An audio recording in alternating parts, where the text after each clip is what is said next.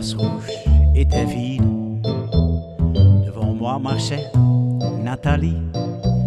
Il avait un joli nom, mon guide, Nathalie. La place rouge était blanche.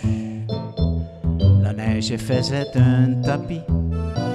Et je suis vers par ce froid dimanche,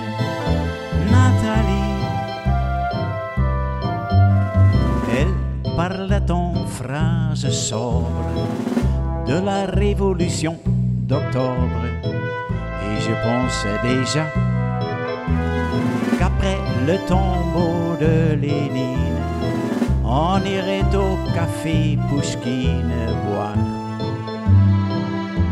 un chocolat. La place rouge était vide. J'ai pris son bras, elle a souri. Il avait des cheveux blancs, mon guide, Nathalie.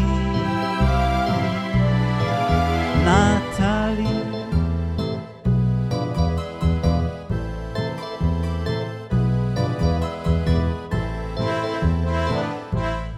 Dans sa chambre à l'université, une bande d'étudiants l'attendait impatiemment.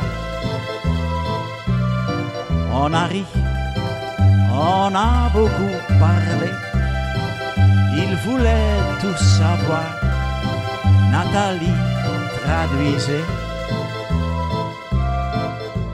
Moscou, les plaines d'Ukraine et les Champs-Élysées.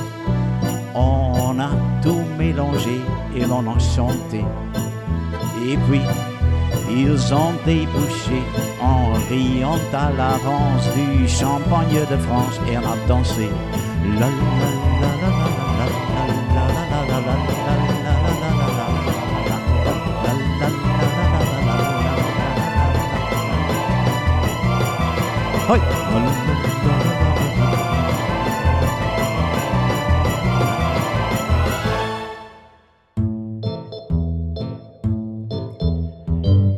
quand la chambre fut vide, tous les amis étaient partis.